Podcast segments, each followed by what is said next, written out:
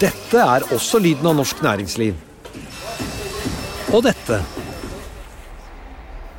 Mens dette er økonomisjefen som nyter synet av ukens tall. Med økonomisystemet Xledger har du alltid kontroll og oversikt. Gå inn på xledger.no. Denne sendingen er sponset av Xledger. Bedriften står foran et utfordrende veivalg, eller kanskje en krevende omstillingsprosess. Og alle snur seg til deg, som leder.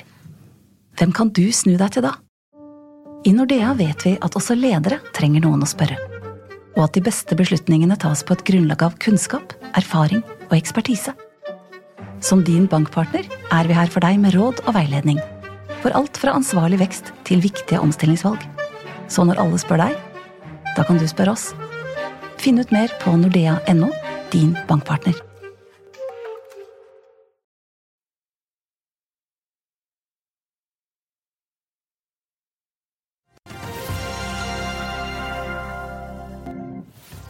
Krone og olje, er det egentlig noe annet å snakke om?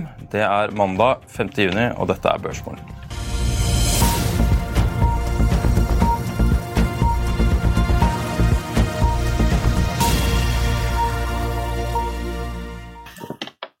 Velkommen til Børsmorgen her hos Finansavisen. Mitt navn er Marius Mørk Larsen. Med meg har jeg aksjekommentator Karl Johan Molne. Så i dag skal vi prate med både Daniel Sekov i Nordea Markets og Theodor Sveen Nilsen i Sparebank1 Markets. Men vi tar, første, vi tar, noen kjappe oppdateringer først.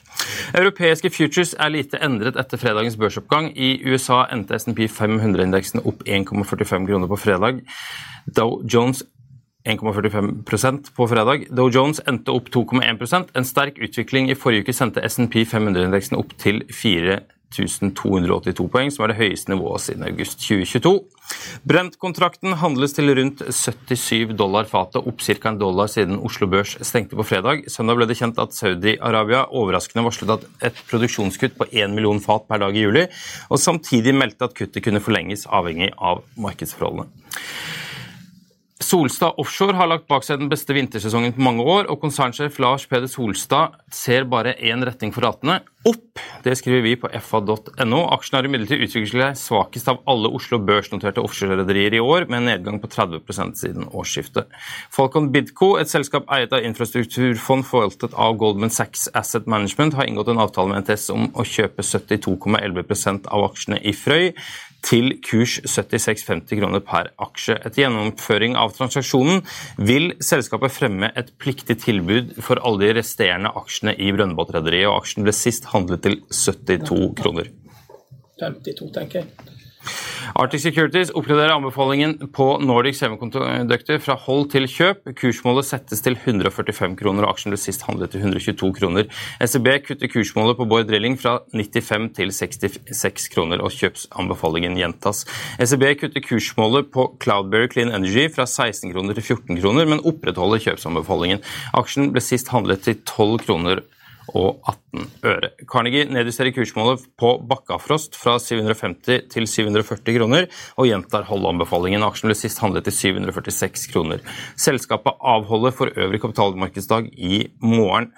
Berenberg lufter kursmålet på SalMar fra 420 til 460 kroner, men gjentar salgsanbefalingen, og aksjen ble sist omsatt til 477 kroner. Du var uenig i hva Frøy ble handlet til? Frøybudet var 50 over det var, fem, det, var, det var, to bilpremier, det var 50% og 30% Det var 50 eh, jeg tror det var 50 over eh, sist han, gjennomsnitt over de siste 30 dager, og 30 over siste kurs. eller noe sånt. Så det var helt klart bilpremium, for det, den kursen som du leste opp, den var samme som budet var. Så det, ja. ja. Eh, vi eh, må uansett snakke om noe som er vesentlig mer dramatisk. Ja, Viaplay de har kommet med kanskje det som er eh, ja, det er kanskje årets profit warning. og de, de, er jo de som har rettighetene til Premier League og de har rettighetene til Formel 1. Og de har tatt ned guidance for årets resultat med 2,2 milliard kroner. Eh, og det er jo en omsetning på eh, estimert på 19 milliarder, så det er 10 lavere eh, resultat. Eller 10 eh, avvik. Altså EBIT-en er liksom det utgjør 10% EBIT-margin. Det er jo gigantisk. Og Viaplay det er listet i Stockholm.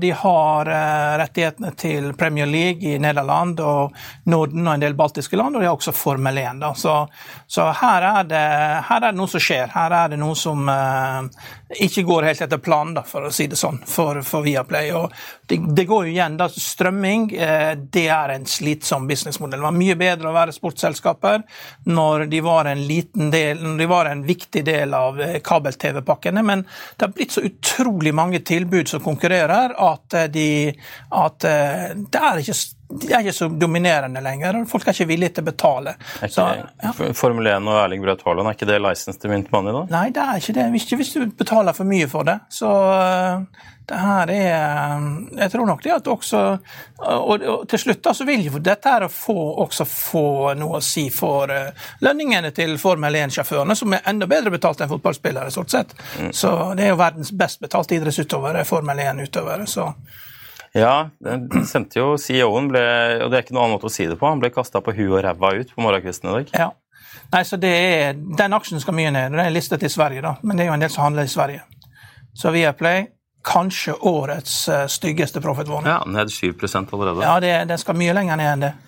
Ja, vi skal følge med på dette. Du, En annen ting som har uh, la oss si det sånn, fått uh, juling i år, det er jo, er jo krona. og Derfor har vi fått med oss Daniel Sekov fra Nordea Markets, du eh, dekker jo eh, krona og valuta. Hva, kan ikke du forklare litt, er det så, altså Nå er det jo veldig mye uenighet om hva som egentlig skjer med krona. SSS Betalen er ute og, og skylder dette i praksis på, på, et regjeringsskifte for to år siden, mens eh, andre hevder at det er vesentlig flere grunner enn en akkurat det som ligger bak at vi nå det blir en dyr sommerferie, for å si det sånn. Det blir en dyr eh, sommerferie, det er egentlig konklusjonen. Jeg tror ikke vi kommer til å ha en markant sterkere kronekurs enn det vi har nå. og Slik vi ser det, så kommer euro norske til å ligge over 12, så du må regne med i hvert fall 12 kroner for en euro. Eh, dette er veldig sammensatt, eh, og jeg tror det er veldig mye som har skjedd. Det er ikke én faktor. Altså, det er alltid populært å komme med den forklaringen som forklarer hvorfor kronekursen har blitt svak. Eh, men i det korte bildet så tror jeg det skyldes rett og slett at rentene i utlandet har økt vesentlig raskere eh, enn i Norge i det siste året. I Europa har vi en like høy styringsrente som vi har i Norge. Vi må nesten gå tilbake 10-15 år for å finne en sånn slik tilfelle. Eh, på toppen av det har vi lavere energipriser. Ja, Vi ser i dag at energiprisen stiger litt. Det er fordi Saudi-Arabia ønsker jo en, en, oljepris over 80 dollar fatet, mens gassprisene har jo kollapset. I fjor så hadde vi verdens historisk høyeste gasspriser i Europa. Eh, forrige sommer var gassprisen over 500 dollar fatet når du regner om i oljefat i Europa. Nå er vi på 30-40. Eh, og dette her har rett og slett gjort at eh, oljeselskapene, som er en viktig kronekjøper, de kjøper mindre fordi de vet at deres skatteregning blir mindre på sikt. Og på toppen av dette her så har vi en usikkerhet hvor vi ser at egentlig råvaremarkedene og mange andre markeder nesten er rigget for resesjon. Eh, og da vil man veldig gjerne holde seg unna kronekursen. Når det gjelder disse skatteendringene som har kommet, jeg tror at jeg sier ikke at det ikke har hatt en påvirkning. Dersom utenlandske investorer har solgt seg ned på Oslo Børs, og vi ser jo at Finansavisen hadde en beregning at det er blitt solgt 7 milliarder kroner av lakseaksjer fra utenlandske eiere. Det rammer jo kronekursen. Det betyr at du selger aksjene dine, da selger du i prosessen kroner og kjøper utenlandsk valuta. Men det er på en måte fem dager med kronesalg fra Norges Bank. Så på marginen så bidrar det negativt. Men jeg tror at la oss si at det ikke hadde kommet noen endringer i skattesatsene det siste året, jeg tror at vi fortsatt hadde hatt en langt svakere kronekurs. Og Det er bare å se, det er ikke bare krona som er svak. Egentlig har euroen som har styrket seg veldig bredt eh, mot svenske kroner, australiske dollar, ka eh, newzealandske, canadiske eh, ja. Eh. Så, videre, så, så egentlig er, det, er spørsmålet er krona svak eller er euroen sterk. Og det er egentlig begge to har, har vi fått da, i det siste året. Ja, Vi hadde han, eh, Anders Johannessen fra Danske Bank her for en stund siden. og Han mente jo det at eh, vi kom til å se at dollaren eh, svekket seg mot krona, men ikke euroen. Hva tenker du? Vi har jo nå den siste tiden Riktignok, det, det var en utvikling vi hadde i starten av året. I fjor, 2022, var jo kanonbra år for dollaren. Du fikk både i pose og sekk.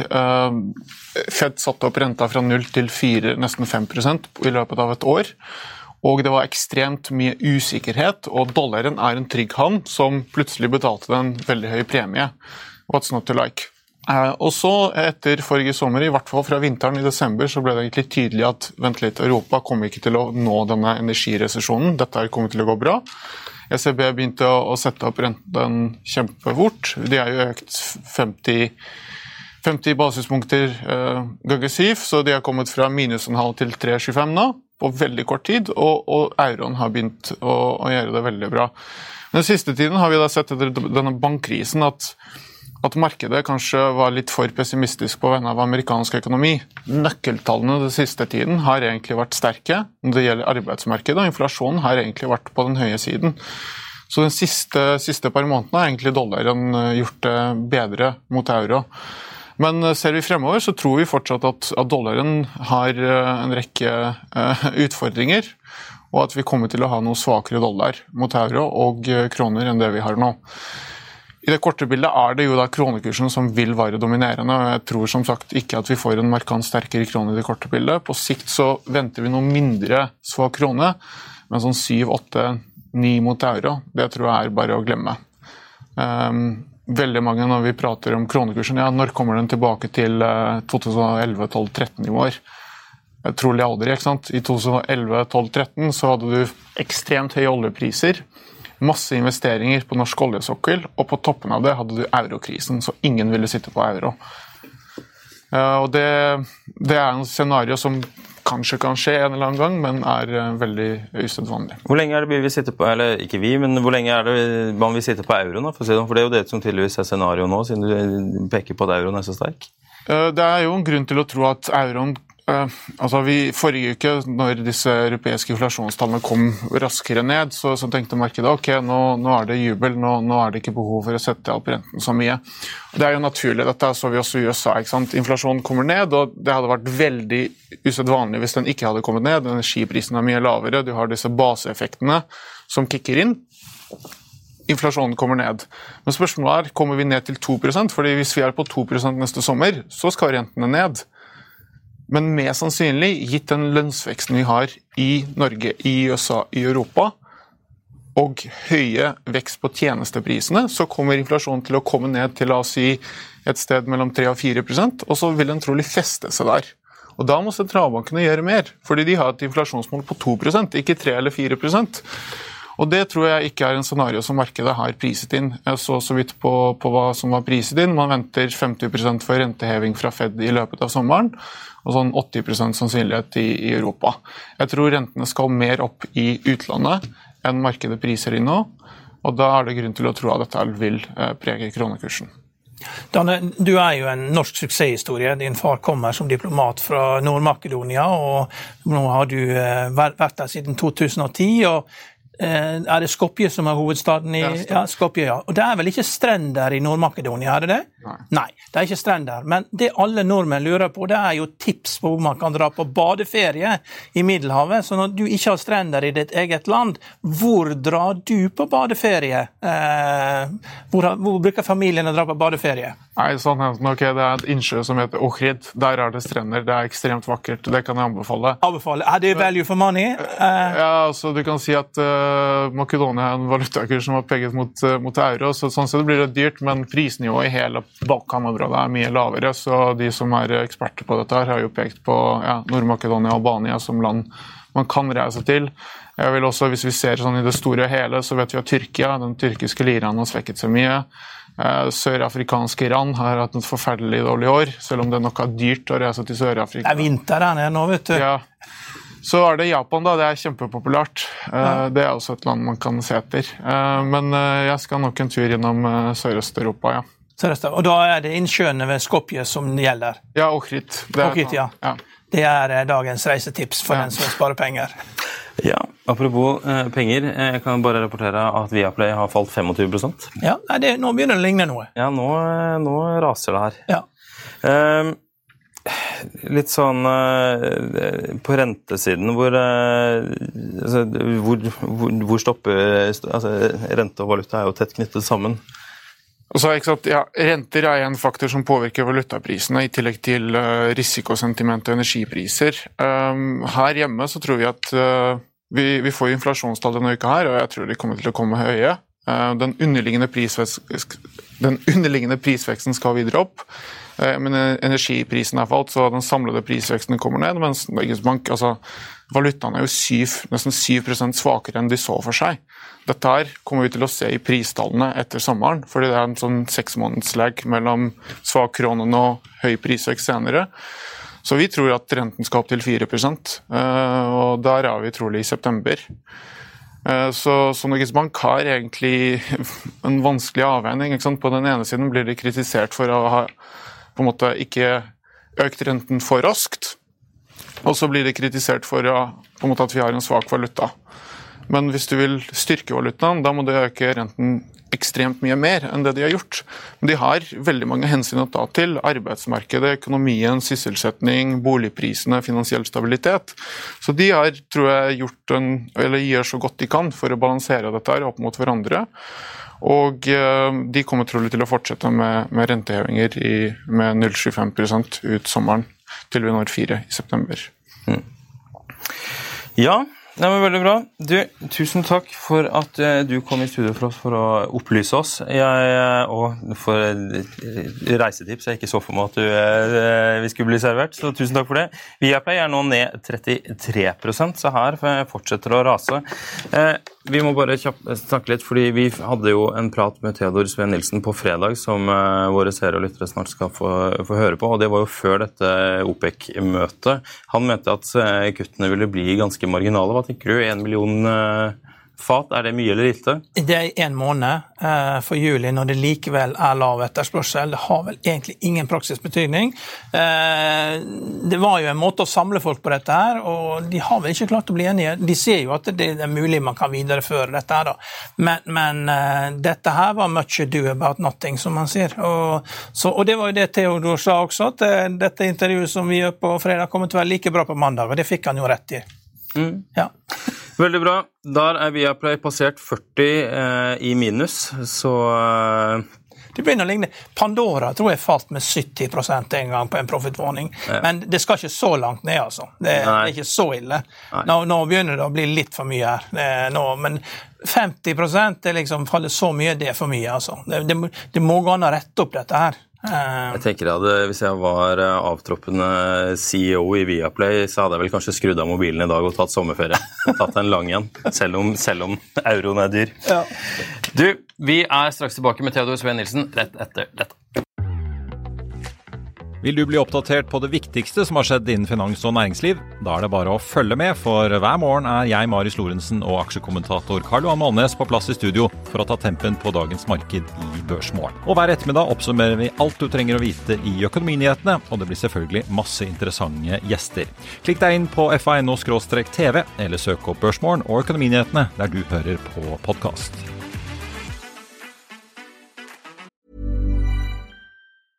When you're ready to pop the question, the last thing you want to do is second guess the ring. At Bluenile.com, you can design a one of a kind ring with the ease and convenience of shopping online. Choose your diamond and setting. When you find the one, you'll get it delivered right to your door. Go to Bluenile.com and use promo code LISTEN to get $50 off your purchase of $500 or more. That's code LISTEN at Bluenile.com for $50 off your purchase. Bluenile.com code LISTEN. Dette er også lyden av norsk næringsliv. Og dette. Mens dette er økonomisjefen som nyter synet av ukens tall. Med økonomisystemet Xledger har du alltid kontroll og oversikt. Gå inn på xledger.no.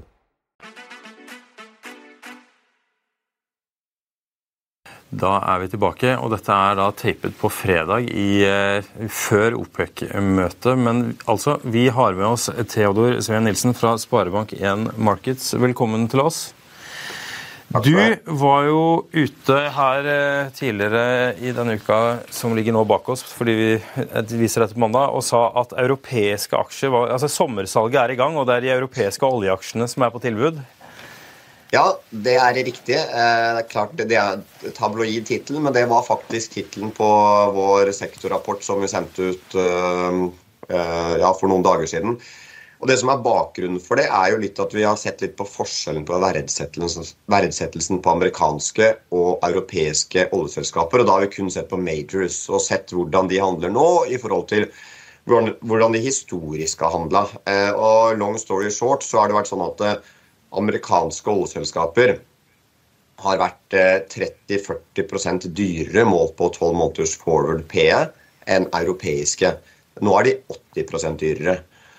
Um, så, så, noe er det, og det er jo mange mulige forklaringer på det her. Vi trenger kanskje ikke gå i detalj på, på, på, alt det her, men uh, vi er klare for å slå i hjel de fleste av de mulige forklaringene. Så jeg, jeg syns det ser ut som i hvert fall store europeiske oljeselskaper er relativt sett billigere enn amerikanske i forhold til hva det pleier å være.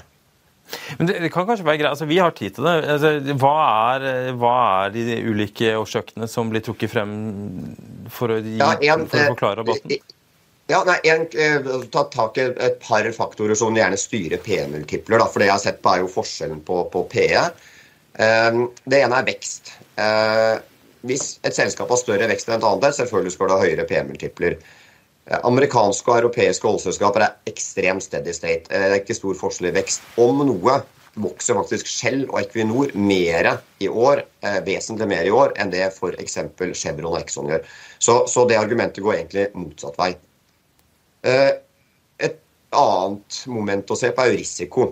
Et selskap med høy risiko skal ha lavere P-multippel enn et selskap med, med lav risiko. Alt, alt annet likt, for det er høyere avkastningskrav. Risikoen i USA og Europa same, same. Det er store selskaper som er eksponert mot de samme råvarene. Olje er en global råvare. Og så har du lo lokalt eller regionalt gassmarked i Europa. Det er riktig. Eh, men det er i hvert fall ikke nok til å forklare verdsettelsesforskjellen. Så et tredje moment, da, eh, med fare for å bli for finansteknisk her, men så, det er utdelingsgrad. Hvor mye utbytte er det du utbetaler av EPS-en din? Eh, og da er det gjerne sånn at Hvis du betaler lite utbytte og kan reinvestere eh, det du ikke betaler utbytte, til en høyere avkastning, eh, så kan man rettferdiggjøre høyere multipler, men der er det heller ingen vesentlig forskjell på amerikanske og europeiske selskaper. Om noe så går den heller i favør av europeiske selskaper, at de burde hatt høyere multipel. Så, så er et par andre grunner som, som, er mindre viktige, men jeg tror man står igjen med det at ESG-fokuset i Europa har kommet mye lenger eh, enn i USA. Og at implisitt så blir avkastningskravet for oljesektoren høyere i Europa eller blant europeiske investorer enn blant amerikanske investorer. Om, om det kommer til å vare evig, det, det vet jeg ikke. Men um, jeg, jeg syns i hvert fall det er en veldig stor spredd der nå.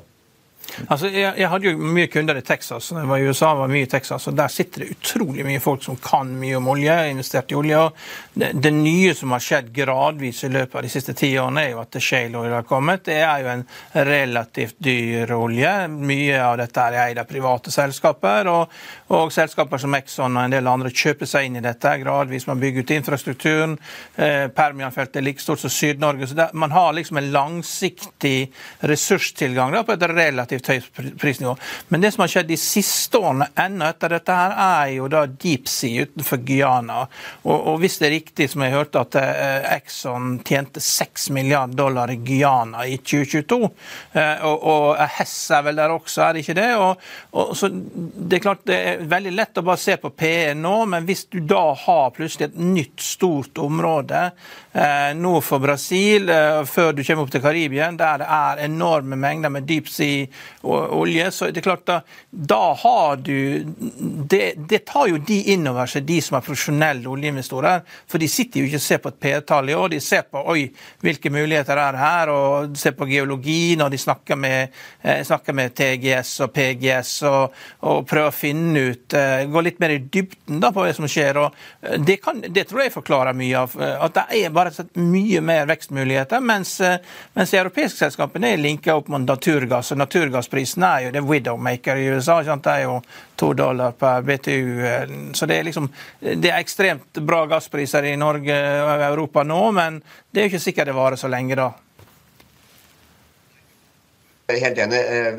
En av de mulige forklaringene som jeg hoppa elegant bukk over tidligere, det er asset-levetid. Eh, og Der har du et poeng. Gjennomsnittlig 2P reservelevetid eh, for amerikanske selskaper, eh, altså de som inngår i denne analysen, det er 11 år. For europeiske så er det 10 år. Så, så, så, alt annet likt så kan du argumentere for litt høyere PM-multipler i USA enn i Europa pga. at eiendelslevetiden er litt lenger. Og inni det ligger jo Guyana etc. Så, så er jeg så enig i det. Men det er ikke nok til å forklare forskjellen. Så jeg, så jeg tror det ligger noe i avkastningskravet her, og som er sånn uh, implisitte investorer i flere i Europa uh, så, som av en grunn ikke vil investere i olje nå.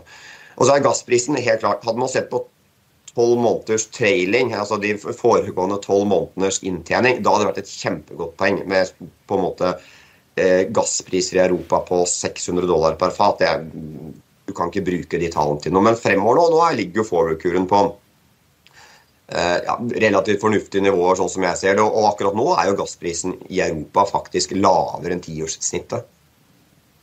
Det er nok litt sesongmessig òg. Men, men, er det ikke sånn at eh, Det siste jeg så på naturgasspris i USA, det var at eh, ja, naturgassprisen i USA kommer ikke til å løfte seg før i 2025-2026, for da får man mer eksportterminaler. Da løfter jo den prisen seg. og Det betyr jo det at da blir det litt dyrere med å ta den gassen til Europa eh, også.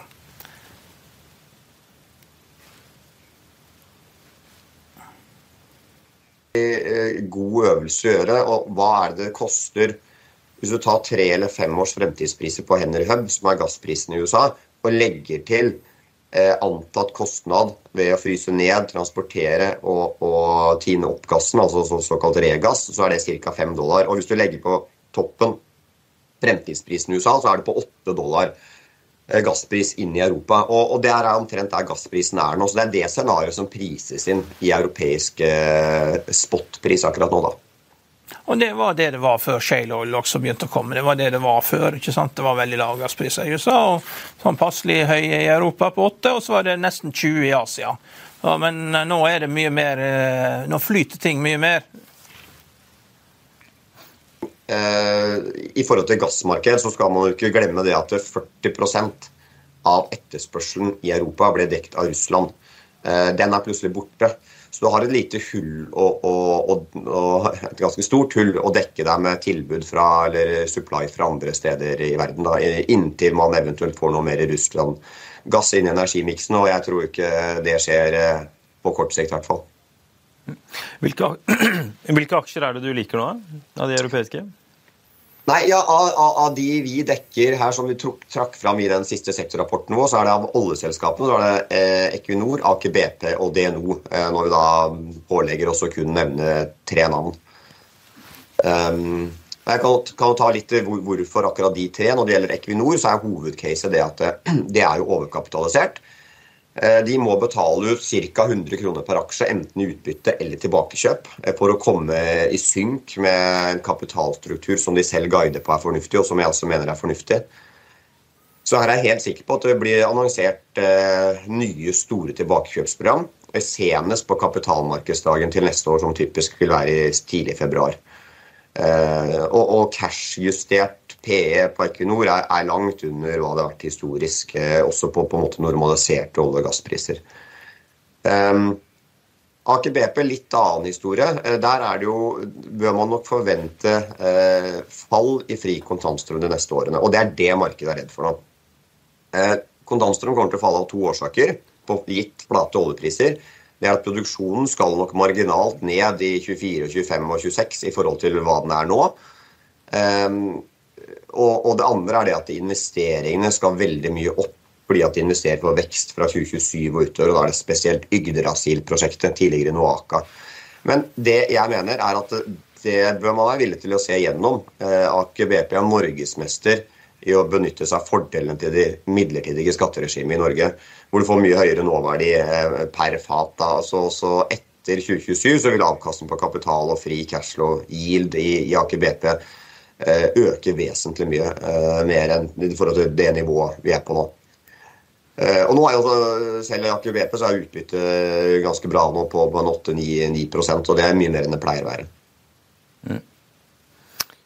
Og for DNO, bare to år på det, så er det sånn Jeg har vel historisk sett ikke vært de som har vært lengst fram i skoa på, på, på, DNO av mange årsaker. Men de oppgraderte til kjøp her for litt siden.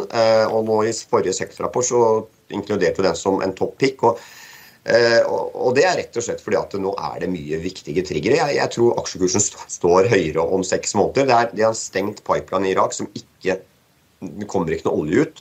Eh, stor tro på at det kommer til å endre seg i løpet av noen måneder. Det er viktig trigger. Eh, nummer to er at eh, aksjen er billig. Eh, nå er pris bok på det laveste noensinne siste tiåret. Vil jeg understreke at Pris bok er overhodet ikke vår hovedtilnærming på hvordan vi verdsetter oljeselskaper, men det er ofte et nyttig verktøy for å se hvor de bunner ut i ulike sykluser. Eh, og så mener jeg at eh, etter at DNO har litt, altså fått fart på, på, driften på norsk sokkel, så er den er litt nok undervurdert og, og, egentlig ikke fått så mye oppmerksomhet i, i, markedet. Der har de gjort mye bra, gjort mye bra funn. Og til slutt så har du jo fire kroner netto cash per aksje. Så det vil si at EV per aksje er bare seks kroner. Eh, det syns jeg er gunstig. DNO er jo et veldig vanskelig case. Alltid vært vanskelig, og det har vel alltid vært enormt sprik i oppfatningen av hva det har vært. Og, eh, men det, det, ser jo ikke ut til å bli færre kriger der nede rundt omkring heller. Eh, det er jo kriger på alle kanter der oljen ligger, og det, det virker helt absurd, hele caset. Det, altså, det, er ikke noe nytt. Altså, det, er, det, er, et urolig område, det er ikke noe nytt. At det er litt av og på med både betalinger og produksjon, det er heller ikke noe uh, nytt egentlig. Det som vel er nytt, er at kursen er der den er nå. Uh, så Det bør jo understrekes at i mine vurderinger så er det selvfølgelig hensyntatt den høye risikoen, som bruker mye høyere avkastningskrav på DNO enn på, på aksjer som, som, har mesteparten av driften i, i Norge. Eh, hadde, hadde, DNO sine eiendeler ligget i Norge, så ville antagelig den aksjen stått i 30 kroner. Hva er, det som er, er, er det Petroleos i Brasil som er per til DNO? Er det det som er sammenlignbart, eller er det er det noe annet eh, du vil sammenligne med? Det er Golf Keystone, Genel og Shamaran, som også er Kurdistan-selskaper. Mm. Vi Altså, når dette spilles inn, så er klokka rundt eh, tolv på fredagen. Og eh, det ligger et OPEC-møte fortsatt foran oss. Oljeprisen ligger på rundt 75 dollar per fat brent og er vel opp 2-3 dollar nå de siste dagen, eller 48 timene. Men hvor ser du oljeprisen gå, i, gå fremover nå? Ja, det gjelder en oppgang nå, det er, det er kanskje litt knytta til altså, gjeldsavtalen i USA, litt, litt mer, mindre risk-off. Men det vi antar for inneværende år, eh, det er 85 dollar. Um, og så bruker vi 75 dollar fra neste år og fremover på, på, på, lang sikt. Men jeg tror i forhold til andre halvår i år, hvis du tror på at OPEC kommer til å kutte det de har sagt, altså 1,15 millioner fat fra mai og ut året og du tror på at IEA, EA og OPEC ikke bommer veldig grovt på sine etterspørselsanslag for andre halvår, så vil det bli to millioner fat lagertrekk i andre halvår. Og det er, det er, et høyt tall. Eh, så høyt har du aldri sett Eller du har sett det, du så det i, eh, i 2021, så så du da var rebalansering av markedet. Da måtte man ha det var kjempehøye lager etter covid. Eh, men før det har du knapt nok sett en situasjon hvor du har to millioner fat lagertrekk.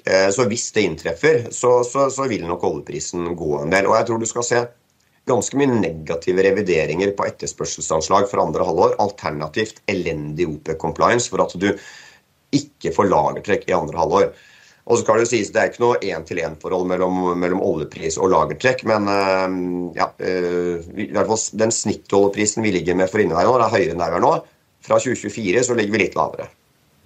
Det, det første OPEC-møtet der at ingen journalister får lov å være til stede, verken fra TV eller eh, fra avis, aviser.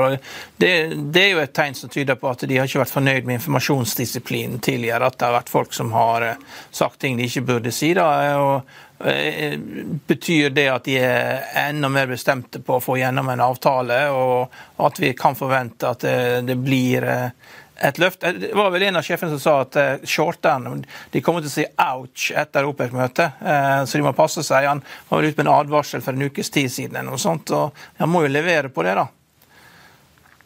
Ja, eh, altså det er klart gjette hva som skjer på OPEC-møter, det er alltid farlig. Men jeg bare, hvis de tallene man ser på tilbud og etterspørsel i det siste, stemmer, og OPEC faktisk nå i mai har kutta produksjon med så mye som de indikerte på det kuttet de kom med vel 2. april, så skulle man tro det ikke er behov for å kutte noe. Um, så, og så vet man jo også, nå er det jo uh, bare tilbake til det nå, egentlig, den, den, rørledningen som nå er stengt i Irak og Kurdistan, den gjør det at det, det er 400 000 fat mindre uh, 400 000 fat per dag mindre olje på markedet enn ellers.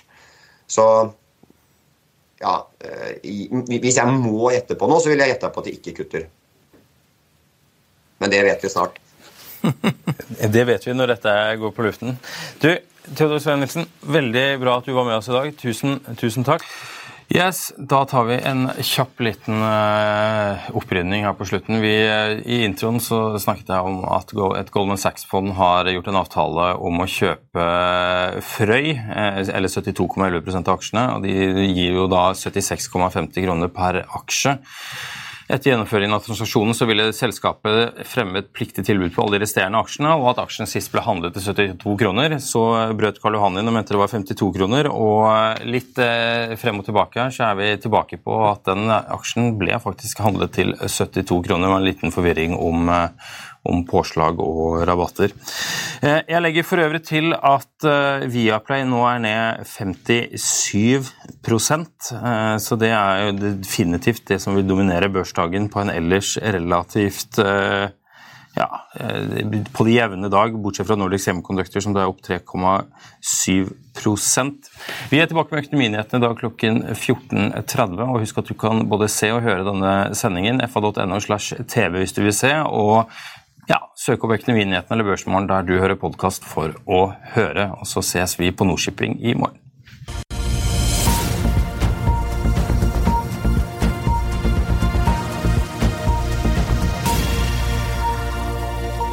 Denne sendingen er sponset av X-Leger.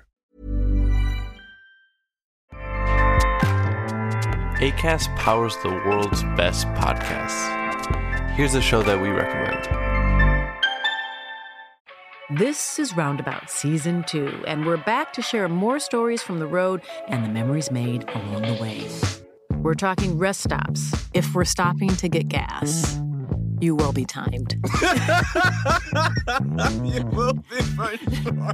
Misguided plans. I grew up in the city, so I have like, you know, a healthy fear of real extreme darkness. this was like wilderness a lot of laughs. Y'all weird, but you, yeah, you, you were different. Like you were real different, bro. I can't really put my finger on it.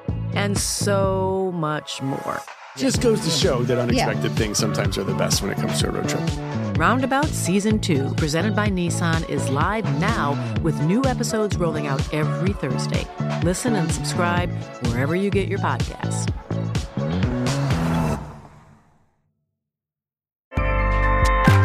ACAST helps creators launch, grow, and monetize their podcasts everywhere. ACAST.com. Økonominyhetene er en podkast fra Finansavisen. Programledere er Marius Lorentzen, Stein Ove Haugen og Benedikte Storm Bamvik. Produsenter er Lars Brenden Skram og Bashar Johar. Og ansvarlig redaktør er Trygve Hegnar.